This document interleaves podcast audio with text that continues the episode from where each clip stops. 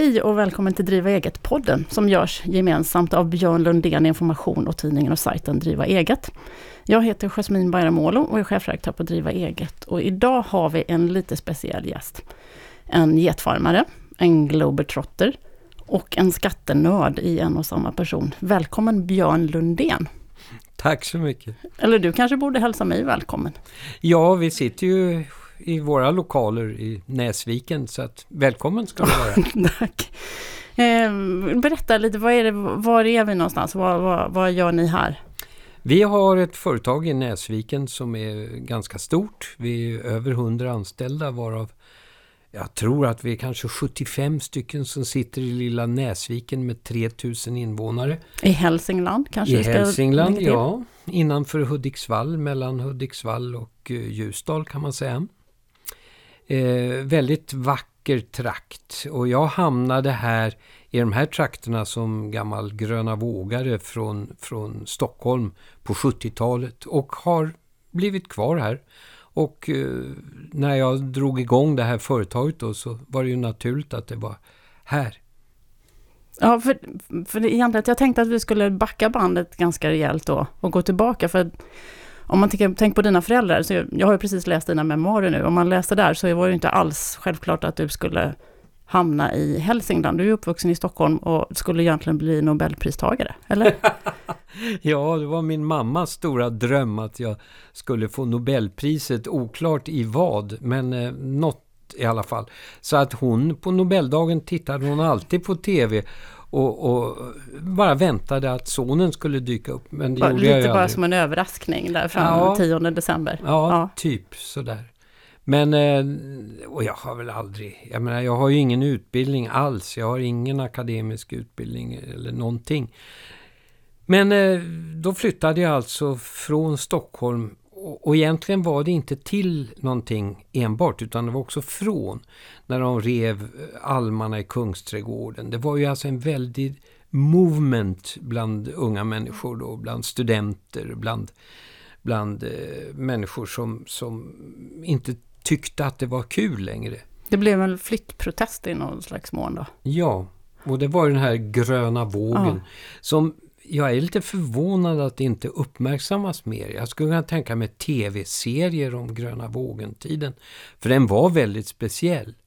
Eh, och man flyttade till Småland, man flyttade till Värmland, man flyttade till Dalarna och i mitt fall då blev det Hälsingland. Fast var, varför blev det just Hälsingland då? Ingen aning, det var ingen avsikt alls. Det var bara en slump. En tvåradig annons i Dagens Nyheter eh, där det stod vacker lantgård med vackert läge i Hälsingland, låg kontantinsats. Och där kände du, ja, Ja, här det har var jag liksom mitt nya liv. Ja. Nej, alltså jag tänkte aldrig framåt heller, utan det, det, det bara... Så har det varit med mitt liv i mycket, att det, plötsligt så bara händer någonting. Och, men skaffade du getter direkt sen då? Eller hur, Ja, hur? ganska snart. Det var fanns- du själv när du flyttade också? Nej, vi var fyra stycken. Det var jag och min dåvarande tjej Lillan. Och sedan så var det en kompis, Peter, och hans tjej som flyttade upp. Så vi var ett litet kollektiv på fyra personer. Och eh, det fanns en bok av Erik Sjödin som var en legan, legendarisk eh, lantbrukskonsulent i Härnösand. Han hade skrivit en bok som hette Jätter. Och där propagerade han för att getter var helt fantastiska. Eh, bra foderomvandlare, eh, näringsrik mjölk, små och snälla. Och, och så blev det. Och ni fyra som då flyttade upp tillsammans, jobbade ni med getterna allihopa? Ja. Alltså, ni, hade, ni både jobbade och levde tillsammans? Ja, det gjorde vi. Och sen så var det ju, det blev ju en fluga det här med getterna. Det var ju väldigt många, jättemånga, som, som hade getter där uppe. Och, och, dels var det den gamla stammen, särlingar, som hade blivit kvar på sina gårdar och hade getter. Och sen så kom alla vi nya då upp. Men någon liten slags vy från storstan med lite nya Ja. ögon på. Ja. Och du började göra en tidning där också, eller? ja, tidningen Getögat. Eh, som, jag, jag jobbade då som musiklärare i Sundsvall och det är väl preskriberat nu men jag eh, snodde åt mig eh, papper där och eh, stod och stencilerade på nätterna i skolan den här tidningen som hade hyfsat stor upplaga. Och skickade ut den till prenumeranterna. För egentligen skulle man ju kunna säga att det var ett första steg till Björn Lundén Information, eller? Ja, det har du rätt i. Det har jag inte tänkt på. Det, det var nog mitt inträde i medialivet. Ja, men jag tänker som någon slags kunskapsförmedlare, för så upplever jag Mm. det ni håller på med nu, att det handlar om att förmedla kunskap. Ja, Lite som vi gör på då eget också. också. men att det är Mm. liksom att man vill föra ut någonting som andra vill, som Mm. andra har stort behov av. Det var ju en artikelserie om olika mögelkulturer för att göra eh, vitmögelgetost och eh, tips och råd. Och, alltså, jag gjorde en Men Detta var, måste ha varit innan Schävren gjorde sitt intrång i Sverige. Ja, det var det. Oh, ja. Det här var, alltså, från början så var det en väldigt enkel ost som ofta feljäst och blev dålig. Och det är därför jag inte kan äta getost numera. För vi tvingades ju av ekonomiska skäl att äta upp den här osten som inte gick att sälja. Så att eh, det, det här var innan det var liksom chic att göra getost. Men, men det som du gör, du säger ju själv att du är ju inte utbildad och du har ingen, du kan inte luta dig mot den här specialistkunskapen i vare sig jätter eller ekonomi egentligen. Men du hamnar ju sen du, som någon slags redovisningsexpert. Hur, hur sjutton gick det till? Ja, det, jag vet inte. Alltså därtill var jag nödd och tvungen. Därför att jag jobbade ju extra då som musiklärare på Alnön. Eh, rätt kul då, men helt utan utbildning. Men jag hade ju respekt med mig, vilket ju inte... Alla andra musiklärare i Sverige var ju ofta ganska fragila människor, såna musikaliska och sådär. Men jag var mer handfast och fick eleverna med mig. Men Det var så du sa när du skulle vara på anställningsintervju då? Eller vad sa, vad sa Nej, du men då? alltså det fann, på den tiden, tänk tillbaka alltså på den här tiden, 60 och 70-talet, då fanns det inga anställningsintervjuer. Då, då, det, det var sån brist på arbetskraft. Och alltså musiklärare, alltså om de visste, alltså att man bara andades som att man kunde jobba som musiklärare, då fick man hur mycket jobb som helst. Lite annorlunda mot idag. Jajamän. Det var Inga annorlunda. ingenting. Nej. nej, nej. Jag har aldrig skrivit ett CV i hela mitt liv. Så att eh, det var ju alltså jättelätt. Jag hade ju massor av yrken. Jag körde lastbil och jag, jag alltså, styckade grisar i, i, var en hejare på att stycka grisar i, i Knivsta, på ICA i Knivsta. Knivs också. var Ja, i väldigt Knivsta. fiffigt. Ja, det har du rätt i. Ja. Men ja, det, så du, av nöden bädd sa du? Att Jo, du, du alltså där. folk, folk bad mig ju om hjälp. Jag hade i alla fall tagit studenten. Och i den där lilla byn Björsarv, det var, alltså utbildningsnivån var inte särskilt hög. Och på den tiden var ju myndigheterna riktiga myndigheter. De var ju inte kompis med folk som de är nu. Här, nu skriver ju eh, Skatteverket, hej, vi har sett i din deklaration att du kanske kan du vara snäll och förklara. Men på den tiden var det då såna här bruna kuvert och, och, och, och ett språk, bara språket kunde folk inte begripa. Men eh, så då kom man till Lundén, den här stockholmaren som bodde där och hade jätter. Och så gick man till honom och frågade, kan du förklara vad det står här? Och så hjälpte jag dem och så fick jag en hink gädda eller jag fick pengar. Och insåg att det här var någonting jag kunde försörja mig på. Så att utan att kunna ett dugg så började jag göra bouppteckningar, jag försvarade folk i tingsrätten. Jag, jag gjorde Det låter deklarationer. helt osannolikt. Ja, det är helt ofattbart. Alltså rådmannen på tingsrätten skrev ett intyg att jag hade, trots att jag inte var det minsta jurist, eh, hade jag kompetens att eh, få försvara folk som hade valt mig. Jag kunde aldrig bli offentlig försvarare, men om de ville ha mig och jag lyckades med något mirakel. Det var en som var, han hade stulit ett 30-tal motorsågar i skogen i något förråd. Och jag, alltså, han blev ju dömd då ändå. Då. men jag lyckades utverka nåd hos regeringen. Det måste ha blivit något misstag de gjorde där. Så att eh, jag blev ju lite legendarisk, sådär, mytomspunnen. Nej, vi går till Lundén, han kan fixa det här. Alltså, när, jag pratade med några av dina kollegor här, innan vi gick in och poddade, så var det någon som sa, men hälften av det Björn säger är sant och hälften är hittepå. Var, är, är detta, tillhör detta hittepå eller sant-delen? Nej, det här är sant. Det här är sant? Ja, ja. alltså hitta på gör jag inte så ofta. Eh, även om det händer. Men, utan, men jag kan överdriva lite grann. Förbättra sanningen ja, lite? Ja. ja. Men jag var mycket värre förr. Men nu har liksom verkligheten hunnit ifatt mig så nu behöver jag inte överdriva på samma sätt. Men vad heter det, så du satt där på getfarmen och startade en bok Lundéns bokföringsbyrå? ja, Björsarvs bokföringsbyrå heter ja. Och när blev det Björn Lundén Information? Hur, hur, Ja, 1987, alltså det började med den här kursen jag hade. Karin Lundholm i Järvsö också mytomspunnen sån här fårkvinna. Hon skulle ha en kurs, ordna en kurs i ekonomi för slöjdare i Järvsö. Och så blev föreläsaren sjuk och så ringde de mig. Snälla kan du ställa upp? Och så gjorde jag det. Och du gjorde ett litet kompendium om ekonomi just för slöjdare. Och den där blev en kioskvältare. Alltså den sålde alltså, ofattbart mycket över hela Sverige. Och då tänkte jag, ja, men det, då ska jag börja med det här då. Och då gjorde jag böcker. Så att det var den första. Men när liksom i, under de här åren började du se dig som inte en getfarmare längre utan kanske mer en, en företagare på ett annat sätt? Liksom? Ja, det måste ju varit när jag sålde sista geten. Så att det, när var det då? Ja, jag kommer inte ihåg. 72 började vi. Säg att jag hade getter i 10 år till 82 eller något sånt där. Och sen började BL 87. Och så körde du redovisningsbyrån däremellan? Ja, ja, och den hade jag parallellt med BL i början också. Okay. Men sen så tyckte jag att... Eh, ja, jag överlät den till en av mina medarbetare som fick överta den. Då.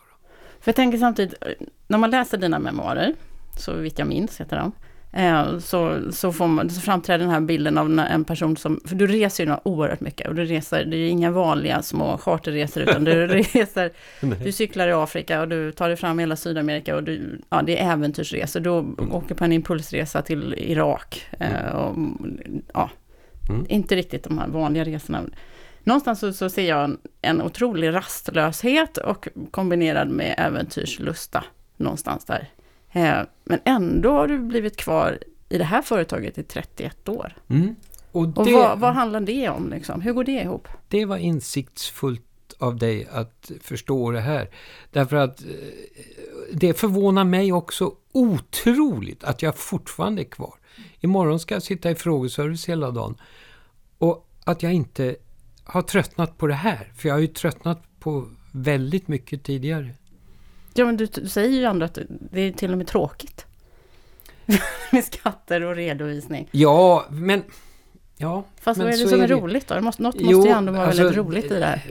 Om jag ska vara ärlig så är det klart alltså att, att, att betrakta som duktig, det är ju ganska oemotståndligt. Mm. Och eftersom jag betraktas som duktig, alltså de tror ju på vad jag säger i frågeservice eller när jag skriver mina böcker och så. Så att då är det kul på en metanivå, alltså inte själva i ämnet i sig är inte så kul, men det är kul att göra någonting bra av det. Som att hålla en föreläsning om hur man gör sitt testamente till exempel och få folk att skratta hejdlöst och, och, och att det här var inte så tråkigt. Eh, ibland har jag väl fått någon förfrågan om jag skulle vara stand-up comedian. Men det vore det värsta jag skulle kunna tänka mig. För då förväntar sig folk att nu ska det bli jättekul här. Men en kurs i testamente eller pensioner eller så här, där förväntar man alltså man, man förväntan är ju jättelåg och gapet blir ju stort då om man är bara det minsta lilla kul. Ja. Så du har ett bättre slagläge liksom om man utgår från Det var en bra, inte, ett ja. slagläge. Men heter det, på vägen in här så sa du att, att du fattade ganska tidigt att man ska anställa. Ja. Kan du utveckla det? Nej, för där, alltså, där är ju ganska många rädda för idag, ja. just att anställa. Ja. Och jag anser att alltså, du ska ju inse att du inte varken kan eller ska eller vill göra allting själv. Och därför, för mig var det självklart att på ett väldigt tidigt stadium anställa medarbetare som gärna var duktigare än jag. Det finns ju en, en, en fenomen som brukar kallas inkompetenskonservering. Nämligen att chefer, ofta inom offentlig förvaltning, anställer folk på en betryggande nivå så att de är sämre än en själv. Så att de inte plötsligt går om en i karriären. Och, och, och när de töntarna då som man anställer eh, själva blir chefer och ska anställa folk i sin tur, då kommer de ju ännu längre ner. Så till slut så är det ju, alltså det fungerar ju inte. Nej, ja, man ska anställa folk som är riktigt, riktigt bra. Och, och sen ska man luta sig tillbaka. Man pratar mycket om delegering. Men jag, jag har aldrig delegerat. Utan jag ser till att man organiserar det så att jag inte ens får det på mitt bord. Därför, ja, arbetsskygg med andra ord. Ja, ja det eller, kan man nog ja. säga. Jag, jag, eller smart. Bara. Eh, nej, smart är jag inte. Nej, jag är så här, street smart möjligtvis, men jag är inte särskilt smart. Och det finns ofta ingen baktanke med saker och ting. Att jag planerar, ah, nu ska jag så här så blir det bra. Utan det blir bra i alla fall av någon anledning. Men du tog ju, du tog ju med dig det här kollektivistiska som var faktiskt skälet till att du flyttade till Hälsingland. Det har ju du tagit med dig in på företaget också. Eller? Kan ja, man säga ja, jo då, det har jag inte heller tänkt på tidigare. Men det, jag är ju präglad av det. Så att, och, och jag har ju haft anställningar och det, om man ska beskriva hur vi arbetar på BL efter min... Det var ju faktiskt jag som kom på det här med simmetoden som vi kallar det. Eh, så, så är det snarare vad vi inte gör. Alltså sånt som jag upplever som negativt på andra företag. Det insåg jag redan från början att det måste man ta bort i det här företaget. Så att det är ju hundra saker som vi inte har som man har på andra ställen. Till exempel, vi har inte fast arbetstid. Vi har inte månadslön, vi har timlön. Vi har inte chefer, vilket alla andra har. Jag menar, chefer, det är ju... Alltså, dels kostar de ju mycket mer än, än de som gör själva jobbet. Och dels så, så alltså, de bidrar ju inte till någonting egentligen. Och så kostar de kanske... Det är bättre att ha tre vanliga vettiga människor än en chef. För det är ungefär samma pris. Ja. Vad, vad, vad, vad, möts du av för mothugg när du säger det? Ja, vi har ju studiebesök här av företagare. Och de eh, återkommer ofta när de lyssnar och tycker att det här är jättebra, säger de. Men det skulle aldrig fungera hos oss. Nej, säger jag. Var, varför inte då? då? Nej, alltså mina anställda eh, eh, jag, menar, jag ser att du ger dina anställda sånt väldigt ansvar. Nej, nej, nej, stoppar jag och avbryter dem. Jag ger ingen något ansvar, det kan inte jag göra. Men jag tar inte ifrån dem ansvar. Det är det som är grejen. Som man gör ofta genom konstiga regler eller maktfullkomliga chefer eller vad det kan vara för någonting. Utan, eh, och så frågar jag, men varför går det inte med dina anställda? Nej, de, oj, de bara utnyttjar och, och, och så. Ja, vem har anställt dem då? Ja, det har ju de gjort då. Så att nej, jag, jag, jag, får ju väldigt mycket mothugg. Och det finns ju egentligen ingen. Tidigare fanns det två företag i Sverige som jobbade så här. Ett ventilationsföretag i Växjö och ett kablageföretag eh, i eh, Kungsängen utanför Stockholm. Men båda är nedlagda nu så att det är bara vi. Men, eh, för det låter ju, det låter ju liksom ganska otroligt att man inte ska ha några chefer. Mm. Eh, och så tänker jag att man samtidigt ofta pratar om vikten att ha, av att ha ett tydligt ledarskap. Mm. För, bullshit säger jag. Bullshit säger du då. Vadå tydligt ledarskap? Det är ju löjligt. Man ska vara tydlig som förälder till små barn. Men inte till, till, till eh, alltså som chef på ett företag. I frånvaron av ett tydligt ledarskap, är det inte risk att det uppstår liksom informella ledarskap? Att det är några liksom som nästan ändå bossar utan att egentligen ha mandat att göra det?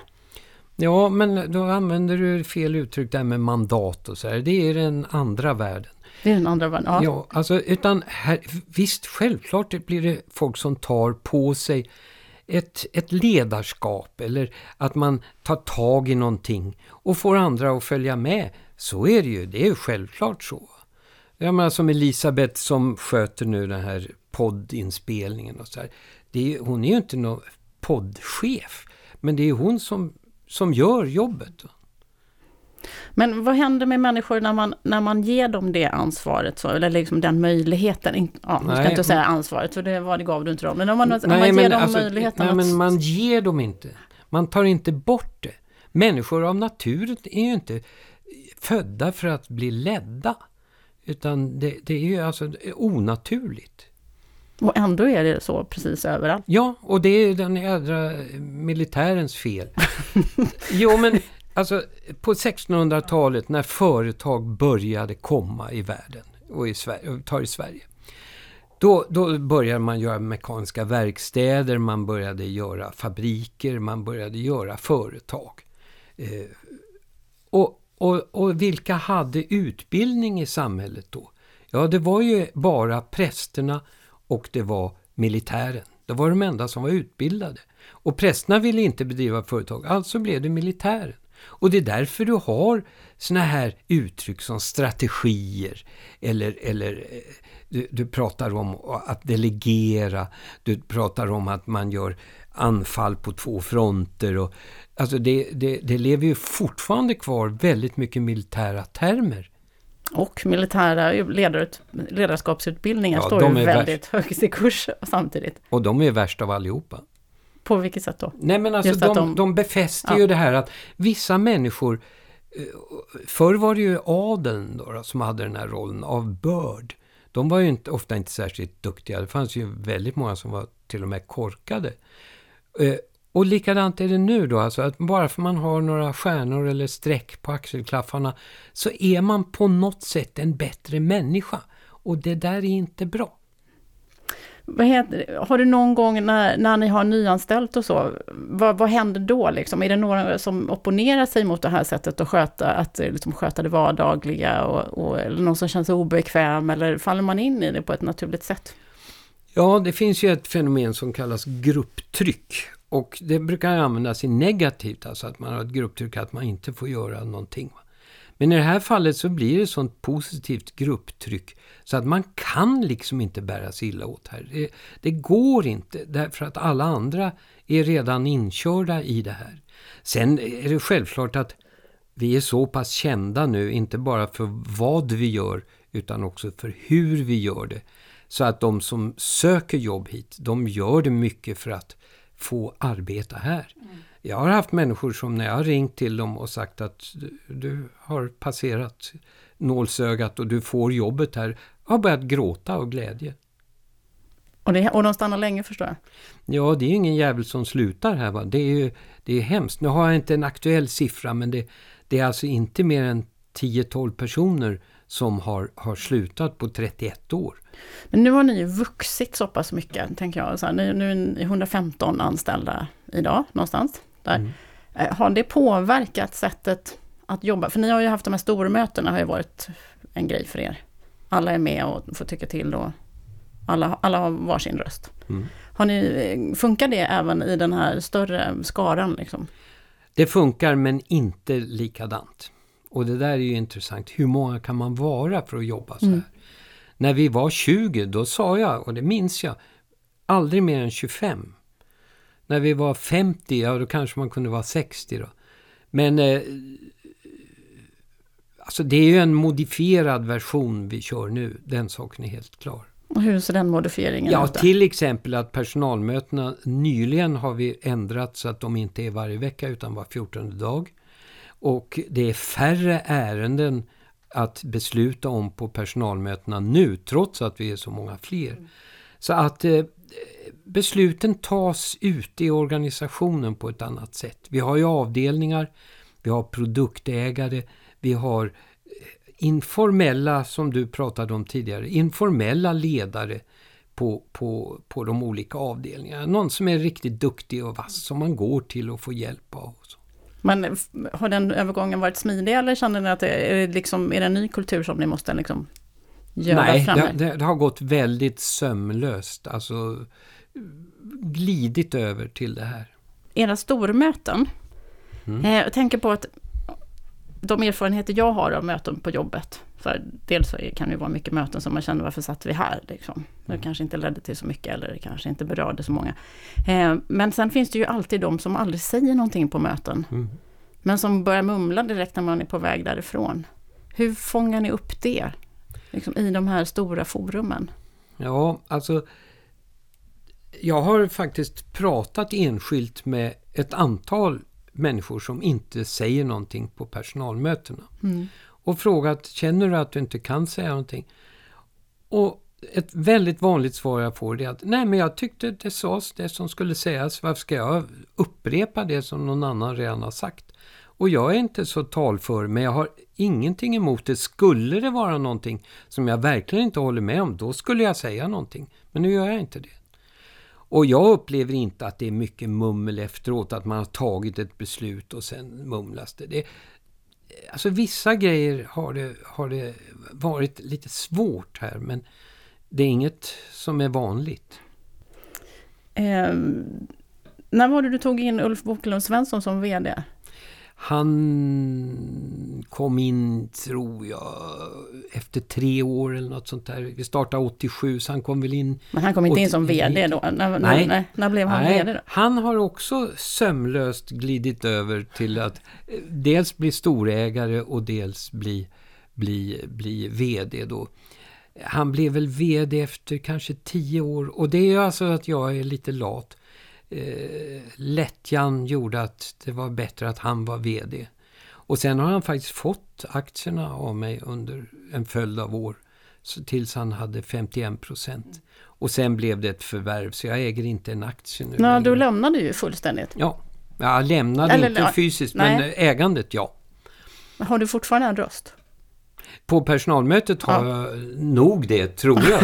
Du har inte frågat om Nej. bara säger nej. nej, jag vet inte. nej. Det, har, För det det blir ju måste ju väldigt vara- sällan omröstning numera, Okej. tyvärr. För jag tänker att det måste vara väldigt ovanligt att en tidigare ägare som har som gjort sig av med sitt ägande fortfarande kommer och går på företaget.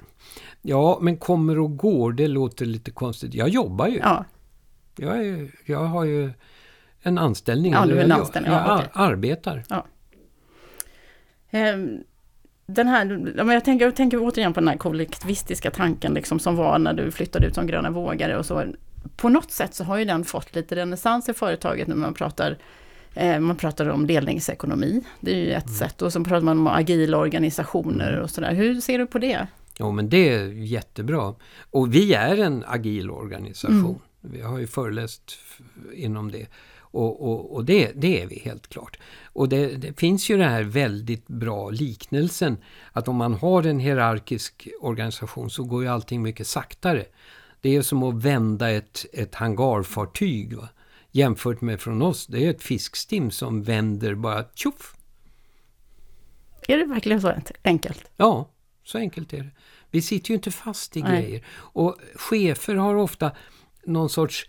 Eh, alltså de har ju satsat sin prestige i någonting. Va? Så de kan liksom inte bara släppa det där.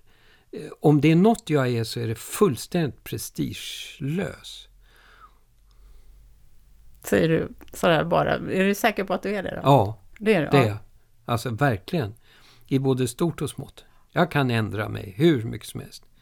Annars tänker jag så att just prestige är det nästan det sista som överger människan vid sidan av hoppet. Lite så. Nej, jag har aldrig varit, alltså, haft någon prestige överhuvudtaget. Ja, det är ju spännande. Var kommer det ifrån då? Föddes du bara men det är sån? bättre att vända på det. Varför har människor prestige? Varför satsar man någonting i en idé och sen vill man inte släppa den även om man någonstans innerst inne fattar att det här var nog inte riktigt bra. Ja. Men då ska man ju släppa det. Man, alltså, man som företagare vill man ju tjäna pengar. Och det inser man ju väldigt snabbt att om jag släpper på min dåliga idé så tjänar vi mer pengar och då är det ju bättre för mig. Mm. Men eh, hur känns det att inte vara ägare längre då? Ja, Är det odelat bra? Ja, men alltså jag är 74 år. Det, jag, jag vill inte vara ägare. Och vi hade ju två företag som ville köpa företaget. Mm.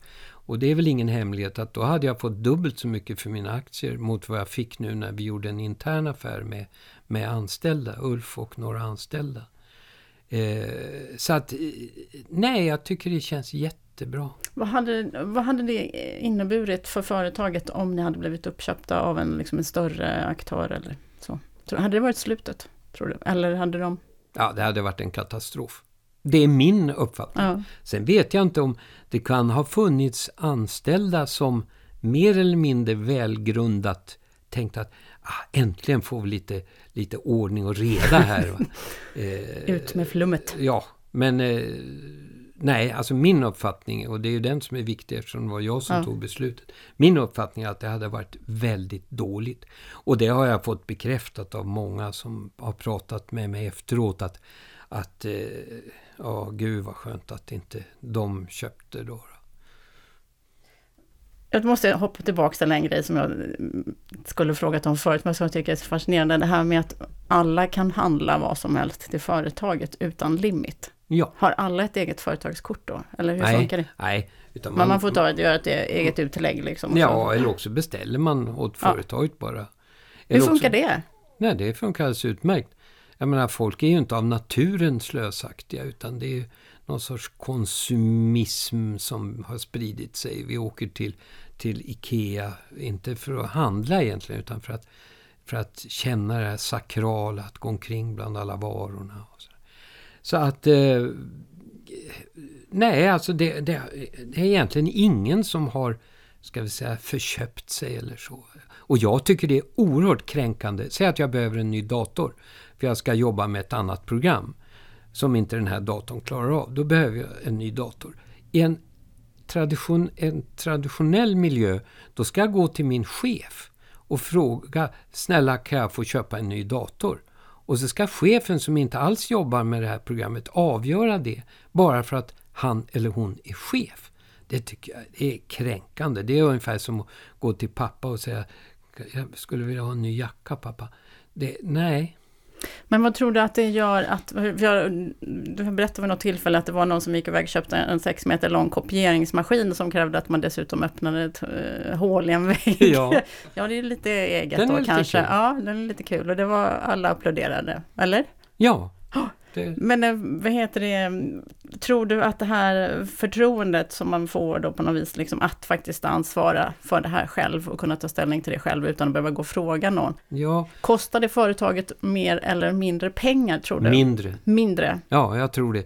Därför att när du har ett motstånd uppifrån, då kommer en motkraft nerifrån. Så då överdriver du ditt behov för att överhuvudtaget få någonting. Ungefär som min dotter var väldigt bra på det när hon var liten och behövde en ny jacka säger vi. Då, då sa hon, pappa jag behöver en ny jacka. Ja, vad kostar den då? Och då sa hon att den kostar 1500 spänn. Och då slog jag bara rakt ut och sa, men du kan inte köpa en jacka för 1500. Så. Nej, men okej, de har en som är ganska bra för 800. och då tyckte jag att det blev ganska billigt. Då, alltså, då sa jag ja direkt. Vilken förhandlare! Ja, Va? hon var jätteduktig på ja. den tiden. Vad gör hon idag? Hon är socionom och hanterar försörjningsstöd på kommunen.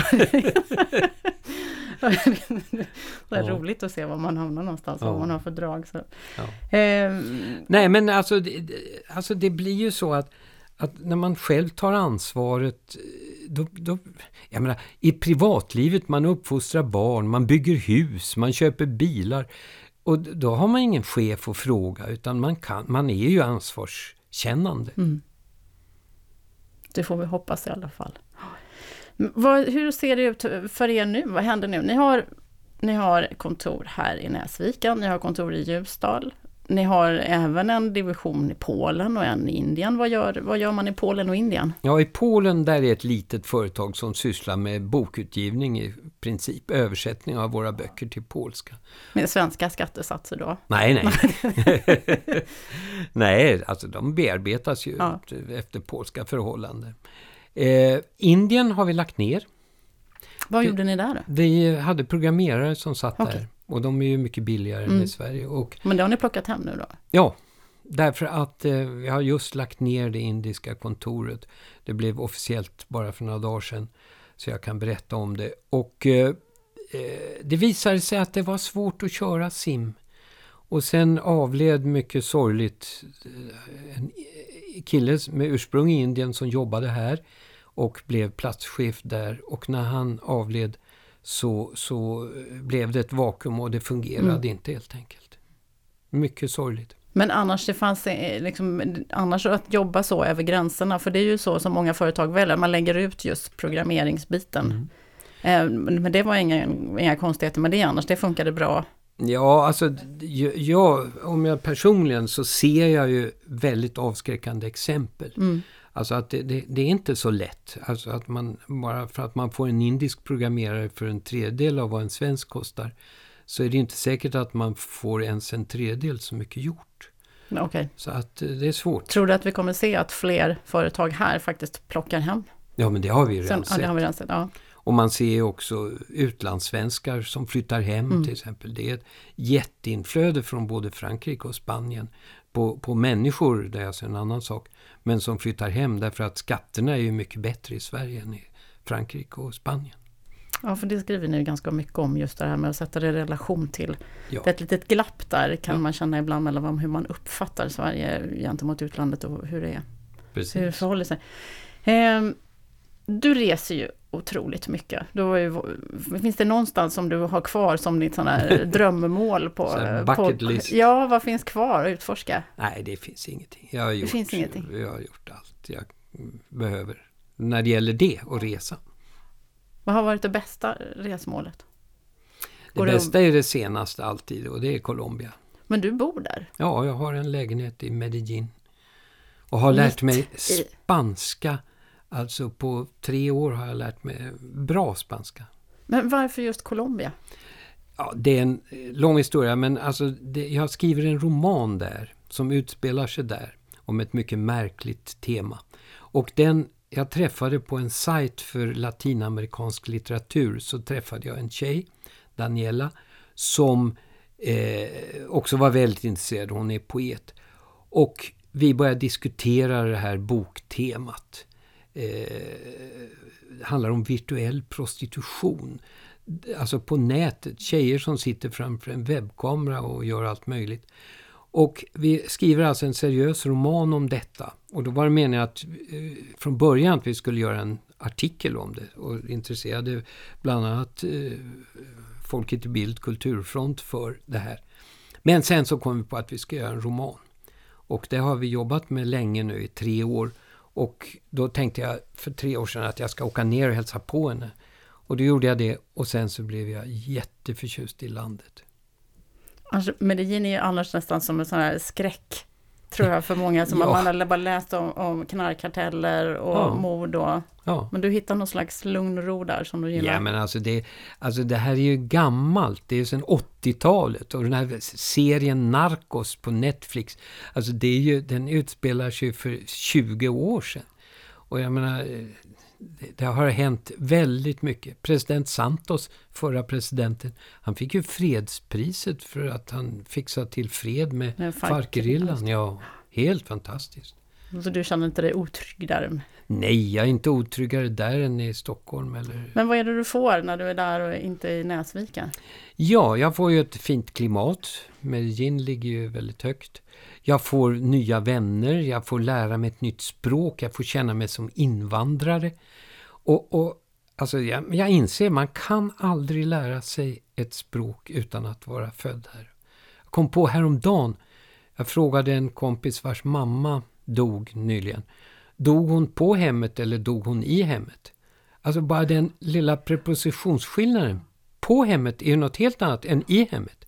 Hur ska en invandrare i Sverige från Syrien någonsin lära sig de här subtila skillnaderna? Mm. Och det där tycker jag är en utmaning i, i, i Spanien, eller i Spanien, med spanskan i Colombia. Att försöka verkligen lära mig.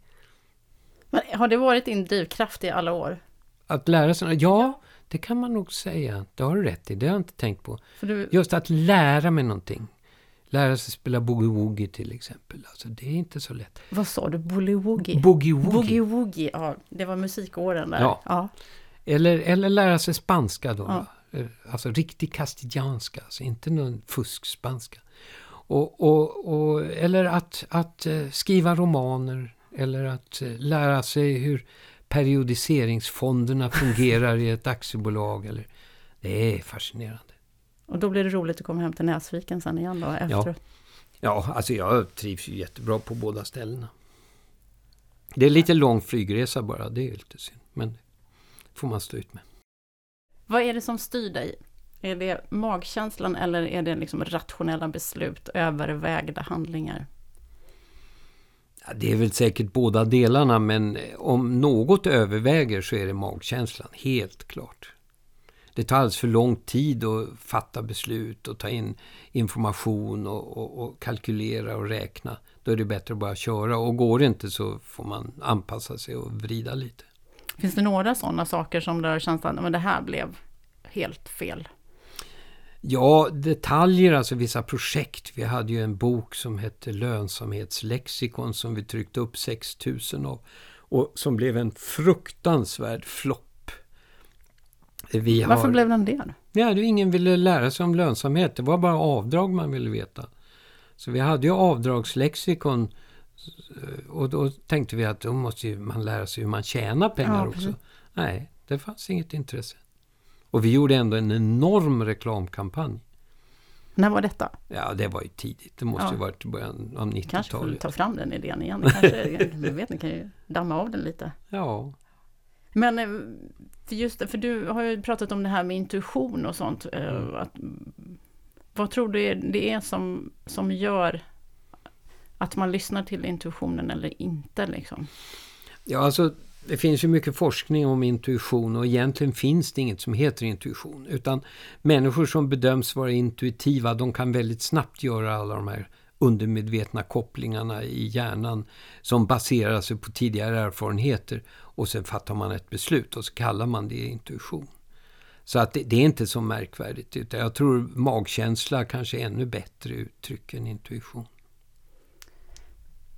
Om du tittar tillbaks på 31 år i det här företaget, vad, vad känner du dig stoltast över? Ja, alltså jag, känner, alltså jag känner mig väldigt stolt när jag tittar på parkeringen och ser alla fina bilar som folk under åren har lyckats byta upp sig till med pengar som de har tjänat på BL. Bara en sån grej. Och att, att folk inte slutar. Och att folk i enkäter säger att de två bästa sakerna är den flexibla arbetstiden. Vi har alltså timlön. Man får jobba när man vill och hur lite man vill, hur mycket man vill. Eh, det är en av dem. Och den andra är de fantastiska arbetskamraterna. Och man skaffar ju barn med varandra här, alltså inom företaget, flera stycken. Vi har ju ett antal par. Vad heter det, men just de här med, tim, med timlönen, det är ju lite speciellt. Och andra Ja. har vi ju månadslön och ni kör timlön. Ja. Man rapporterar precis när Timmarna man har man har jobbat. Och, det, och det funkar utan problem. Ja, vad skulle det vara för problem med det?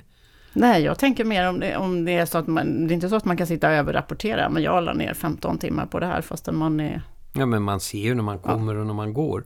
Och eh, alltså det... Om någonting är förbjudet här så är det att fuska med tidrapporterna. Alltså. Det, det, det får man bara inte göra. Har det hänt då?